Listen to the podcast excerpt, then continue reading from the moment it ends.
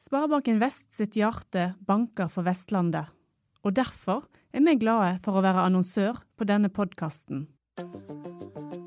Du hører på BT20, en podkast fra Bergenstidene.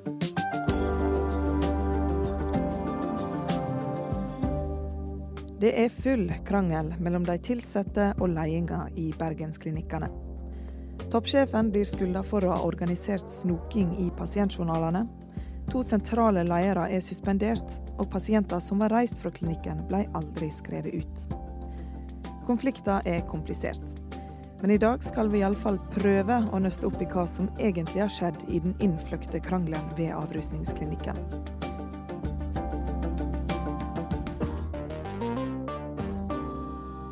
Mitt navn er Ingvild Nave.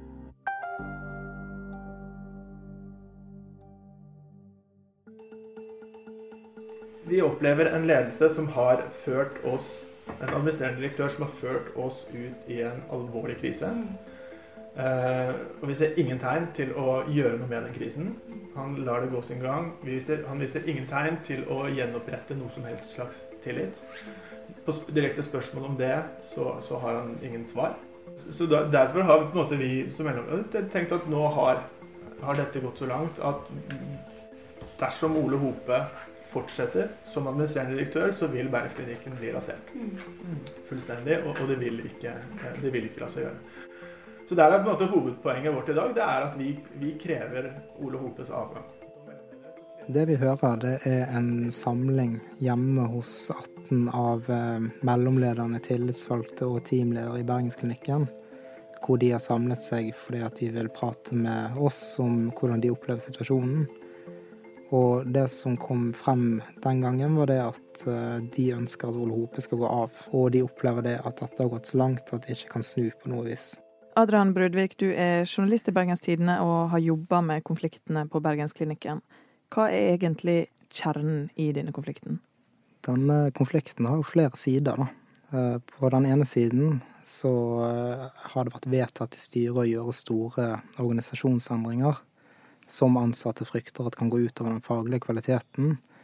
Og det, også, det, det har skapt litt murring i organisasjonen, da. Samtidig så har to ledere blitt suspendert. Eh, det er ennå litt uklart eh, hva som ligger i de suspensjonene. Det har blitt forklart at eh, styret ser alvorlig på rapporteringsavvik, som de skal ha hatt ansvar for.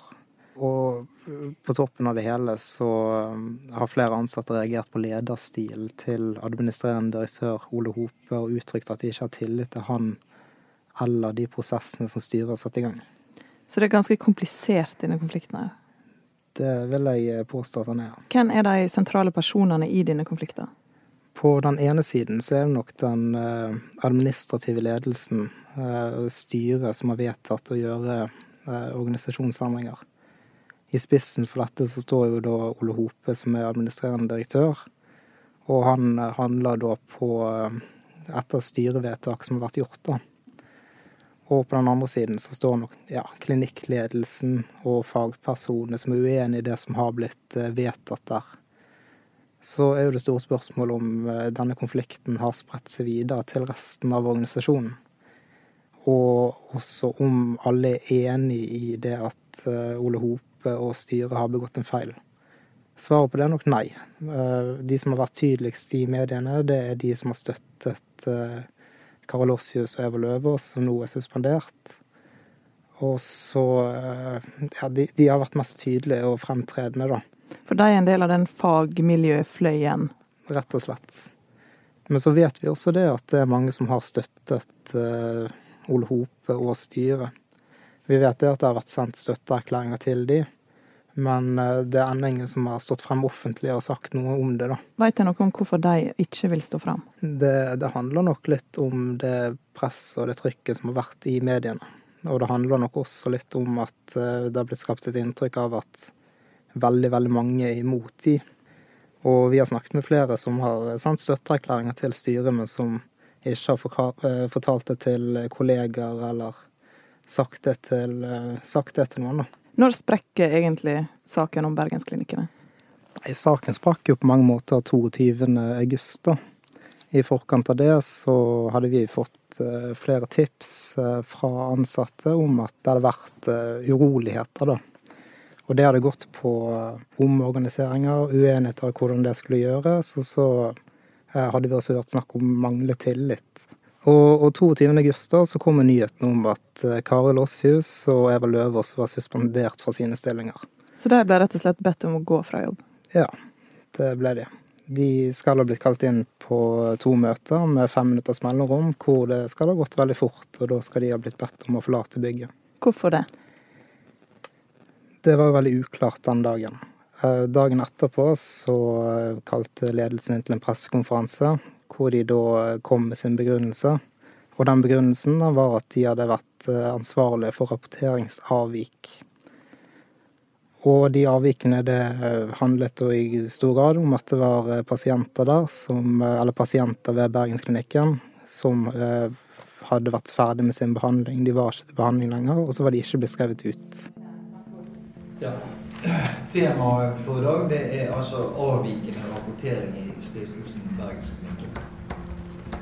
Ledelsen ved stiftelsen Bergensklinikkene har avdekket feilrapportering knyttet til døgnopphold.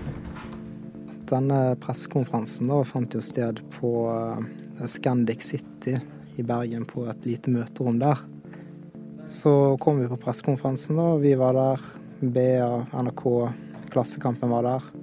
Det var for så vidt ikke så mange personer i rommet, da. Så satte vi oss ned, og så leste Ole Hope og eh, Finn Konrad Gjellestad opp det som de hadde planlagt å si på forhånd. Og det handlet jo da i hovedsak om disse avviksmeldingene. Og de gjorde det veldig tydelig at dette var det de ønsket å svare på. Det var det de var her for å snakke om. Og de, de hadde ikke interesse av å svare på noe særlig andre spørsmål som handlet om mistillit, eller det andre som foregikk i, i, eh, i Bergensklinikken. Bergensklinikkene ser alvorlig på avvikene og har informert Helse Vest om situasjonen. Administrerende direktør i Bergensklinikkene, Ole Hope, mottok varsel fra organisasjonen om at tall rapportert til Helse Vest kunne være feil. Innledende undersøkelser tyder på at man over tid har unnlatt å skrive ut pasienter som har forlatt klinikken.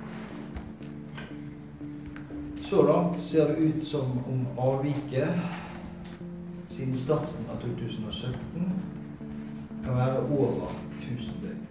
Sentrale var jo eh, hvorvidt Karl Ossius var uønsket i organisasjonen, for det var noe som hadde gått igjen i skriv som de hadde fått tilsendt fra mellomledere. Altså at de ville sparke henne? Ja, eller at de ikke ville ha henne i den stillingen som hun var i. Og det var noe som Ole Hope da kategorisk avviste, og sa at det handler ikke om personer, det handler bare om organisasjonen og strukturen på den. Snart skal du få høre hva Lossius og Løvaas svarte på skuldingene om rapporteringsjuks. Men først ei kort melding fra annonsøren vår. Vi i Sparebanken Vest ønsker å bidra til at Vestlandet er en god plass for ungdommer å vokse opp og å utvikle seg faglig. Derfor har vi støtta prosjektet Matematikk og produktutvikling i regi av Vil Vite-senteret. Her har ungdomsskoleelever laga ei utstilling av slik de mener boliger og samfunnet kan se ut i framtida. Prosjektet har skapt en inngang til matematikk med å se på hvordan tall ligger til grunn for design og konstruksjon. Både de som er glad i matte, og de som ikke er så glad i det, har dermed brukt faget på en mer praktisk og spennende måte. Resultatet av prosjektet kan du se på Vil Vite-senteret i hele september. Det var en liten beskjed fra annonsøren vår. Nå går vi videre i podden. Kari Lossius har eh, i en årrekke vært ansatt som eh, fagdirektør i Bergensklinikken. Hun er utdannet klinisk eh, psykolog og har eh, lang farts i den rusfeltet, da. Og så har hun eh, nok vært kjent for mange fordi at hun har hatt en veldig tydelig stemme i, eh, i, i, spørsmål som handler om rusbehandling. Sånn at Det kjennes jo helt urimelig ut for personalet at dette skulle være svindel. Dette, dette er intensiv behandling. Og det er ikke sånn at når de er ute, at de ikke vil jobbe med dem. Eh, det, det, er Ole Hope gjort oppmerksom på. Jo, det var virkelig en jobb for å få det inn igjen. Så det, det er, dette er behandling på høyt nivå, dette er ikke svindel. Det er det det handler De har talt antall dager mm. pasienten ikke ligger i sengen, og ganget det med, med døgnbeløpet. Ja. Og kommet fram til millionbeløpet. Og det er svindel. Det er svindel, svindel vi har gjort. At vi har jobbet godt faglig.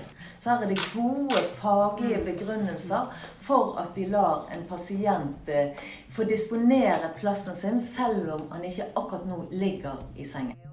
Mange ansatte gikk jo veldig tidlig ut og erklærte sin støtte til de to. Og det er jo tydelig det at uh, mange har hatt uh, stor lojalitet til de to lederne sine, da. Eva Løvaas var jo klinikksjef på Gjellestad, mens Karl Åsthus var fagdirektør. Så kom en ny bombe. Et brev signert tolv av mellomlederne ved klinikken dukka opp. Der sto det at de ikke hadde tillit til direktør Ole Hope eller styret. Og de tar opp en rekke forhold, men det som kanskje er mest interessant der, er at de frykter da at eh, noen kan ha snoket i journalene til pasienter. Og dette dreier seg da om de rapporteringsavvikene og hvordan ledelsen har gått frem for å, for å gjøre rede for hva som har skjedd. da. Veit vi hvem som skal ha snoka i journalene? Det som uh, har blitt sagt av Karl Ossius, Eh, er at eh, en merkantilt ansatt skal ha, på oppfordring fra Ole Hope, gått inn og sjekket dette. Hva betyr det egentlig, merkantilt ansatt? Vel, nå er det ikke bekreftet hvem den personen er, men en skulle tro det dreier seg om en eh, administrativt ansatt, en som jobber på kontor, da, rett og slett. Og dette med disse journalene og den journalsnokingen som folk har fryktet, den har jo Karl Ossius også tatt i egne hender og varslet til eh, fylkeslegen, da, som vil føre tilsyn og finne ut hva som har skjedd der. Ole Hope på sin side har eh, kategorisk avvist at det har skjedd noe ulovlig der. Han sier det at eh, denne oppgaven med å finne ut hva som har skjedd, har blitt gjort av en person som har tilgang til disse journalene, og at det bare er styringsdata som er hentet ut, og ikke sensitive personopplysninger. Var det noen tegn til konflikt før denne skjebnedagen 22.8, der de eh, ble suspenderte? Internt i organisasjonen har det sikkert vært det. Eh, de, eh, nå tok jo Ole Hope over som administrerende direktør i februar 2017. Og siden den gang så har det blitt vedtatt store organisasjonsendringer. Disse tre avdelingene, da det skulle endres i strukturen der, sånn at to stykker skulle slås sammen under én leder. Samtidig så var det snakk om å fjerne denne fagdirektørstillingen. Noe som har vært veldig eh, Noe som mange ansatte har følt at eh, vil gå utover den faglige kvaliteten der, da. Så han ville fjerne jobben til Kari Lossius? Ja, men, men de har jo presisert at dette handler ikke om enkeltpersoner eller Kari Lossius. Det handler om organisasjonsstrukturen og hvordan de kan gjøre den mer effektiv. Nå, nå, er det sånn at stiftelsen har slitt med økonomien i flere år. Eh, og vi, vi har gjort en gjennomgang av eh, regnskapene deres. Og de viser det at i syv av de ti siste årene så har det gått med underskudd. Og når Hope kom inn, så sa han det at eh, virksomheten hadde store grunnleggende strukturelle og styringsmessige utfordringer. Og dette var det han da fikk beskjed av styret å rydde opp i. Så han har en veldig utfordrende jobb med å gjennomføre så store besparelser. Det har han, og den jobben blir jo enda mer utfordrende når eh, organisasjonen er i en viss krise, og, det, og, mange av de ansatte ikke har tillit til det som han og styret gjør. Det er nok ikke alle som støtter eh, Karl Ossius og Eva Løvaas, sånn som eh, man gjerne får inntrykk av i mediene. De som har stått frem og gått hardt ut og bl.a. krevd avgangen til Ole Hope, er jo mellomledere, tillitsvalgte og teamledere. Det er jo folk i en viss posisjon. 18 av de har stått frem. Men så vet vi også det at det er folk som har sendt støttemeldinger til styret. Og det er ansatte som ennå ikke har ønsket å stå frem. Eh, fordi at de gjerne ikke har fortalt de de jobber med, at eh, de støtter Ole Hope og styret. Og fordi at de ikke ønsker å eskalere konflikten, da. Dette har jo styret selv gitt uttrykk for, og vi har også vært i kontakt med flere som sier at de støtter de. Veit jeg noe om hvorfor de ikke vil stå fram? Det, det, handler nok litt om det presset og det trykket som har vært i mediene. Og det handler nok også litt om at det har blitt skapt et inntrykk av at veldig, veldig mange er imot de. Og vi har snakket med flere som har sendt støtteerklæringer til styret, men som ikke har fortalt det til kolleger eller sagt det til, sagt det til noen. da. Når er det det virkelig blir uro blant de ansatte? Denne uroen har nok, den har nok oppstått før dette ble en mediesak. Og så har nok følelsen av den eskalert etter hvert som trykket har blitt høyere på de, da. Det er jeg som er verneombudet. Og det er de tilbakemeldingene jeg får, er at ting er uoversiktlige, det er utrygt, det er vanskelig å gå på jobb, for en vet ikke hva en vil møte lenger. Uh, og vi får ikke nok informasjon i forhold til hva det er som foregår heller. Og det, er, det, det er også en bekymring for den videre utviklingen i, på vår arbeidsplass. Da. Og det er klart at det også hemmer både hvordan vi har det på jobb, men også hvordan vi skal jobbe knytta til pasientene. Det er det som er vårt viktigste fokus. Mange har sagt det at konfliktnivået var økt etter at Ole Hope tok over som administrerende direktør i februar 2017. Og de har nok også eskalert etter at styret vedtok at det skulle gjøres endringer i organisasjonsstrukturen, da. Men, men når dette eskalerte for fullt, det, det, er litt vanskeligere å si. Vi har annet mottatt et brev som var sendt fra den kliniske ledelsen til toppledelsen, hvor de skriver hvordan de opplever situasjonen. Det er skrevet nå i sommer, og det de skriver der, er at de opplever at avstanden mellom de og ledelsen har økt utover våren 2018. Og når han tok over, så var det nok mange som var nervøse, for han har en historie hvor han har vært med på å, å rydde opp i bedrifter og organisasjoner tidligere. Senest i 2013 så var Ole Hope administrerende direktør på Norges handelshøyskole. Og der ble det også gjennomført store organisasjonsendringer. Og dette skal da forsuret forholdet mellom en rekke ansatte og ledelsen på skolen. Og i et intervju med BT så uttalte en av professorene det at nå er NHH i en alvorlig krise, og den, den er vi nødt til å løse. Så han har vært i konflikt før? Han har vært i konflikt før. Han har også vært eh, daglig leder i Grieghallen, eh, hvor eh, han kort tid etter han tok over, sa de at 19 av de 29 ansatte måtte gå. Du har jo snakka med flere som jobber på disse klinikkene. Hvordan beskriver de arbeidshverdagen sin nå? Nei, nå så har jeg inntrykk av at uh, mange, om ikke de fleste i organisasjonen, opplever det som foregår i mediene og det trykket som har vært, som veldig belastende. Uh, mange sier at uh, de er usikre på hvordan fremtiden kommer til å bli. mange er uenig i det som har skjedd av omorganiseringer. samtidig som konfliktnivået internt er veldig stort, og det er mye mistillit. stort sett mellom styret og toppledelsen og de ansatte. Og vi har også vært i kontakt med verneombudet der, som har sagt at hun frykter at flere vil kunne sykemelde seg i tiden som kommer fremover. Hva ønsker de skal skje nå? De ønsker nok det at det skal bli mer ro i organisasjonen. Så er det jo også noen som har gått veldig hardt ut og sagt at de krever at Ole Hope skal gå av. Vi skrev annet en sak hvor 18 mellomledere, tillitsvalgte og teamledere, og folk i lederstillinger på, på disse klinikkene, har gått ut og sagt at nå er dette så intenst, og dette tar så mye av vår kapasitet, og vi ser ingen tegn til bedring. Og derfor har vi heller ikke tillit til ledelsen. Og mange har nok også tegnet et bilde av enten mot toppledelsen eller flere av de ansatte går av. Nå står saken der at to ledere i organisasjonen er suspenderte. Det er uklart hva som vil skje med dem. Men det er jo sånn i suspensjonens natur at for at man skal suspendere noen, så må ledelsen mene at det er grunnlag for at de skal kunne avskjediges. Og hvor lang tid det tar å behandle det og granske det, det er usikkert. Så jo så er det jo fortsatt sånn at det er store tillitsproblemer i organisasjonen. Og det er nok det ledelsen der fokuserer mye på at de må ordne opp i nå.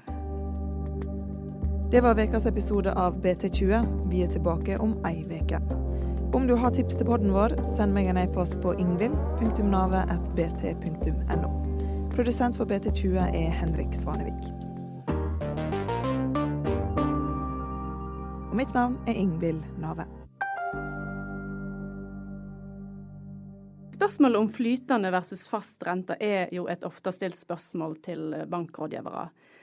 Og hvem vil du anbefale å ta opp lån med fast rente, kunderådgiver Lotte Johannessen i Sparebanken Vest? Eh, det varierer jo, men, med fordelen med fast rente er jo at det kan være en ekstra trygghet. Eh, derfor passer det ofte spesielt for de unge som, som kanskje er i en presset økonomi. Eh, gjerne kanskje for par der én jobber eller den andre er student. Det passer jo også ypperlig for de som faktisk begge er i full jobb, og økonomien da kanskje blir bedre over tid. Eh, det kan også være en forsikring mot den usikkerheten i markedet som ligger der, fordi forutsigbarheten kan gi kunden trygghet i hverdagen, rett og slett. Men jeg skjønner jo at fastrente eller flytende, altså valget rundt det, kan være en vanskelig beslutning. Så derfor er det ofte lurt å ta en ekstra grundig prat med kunden om det. Eh, og min jobb er jo å kunne gi de beste rådene.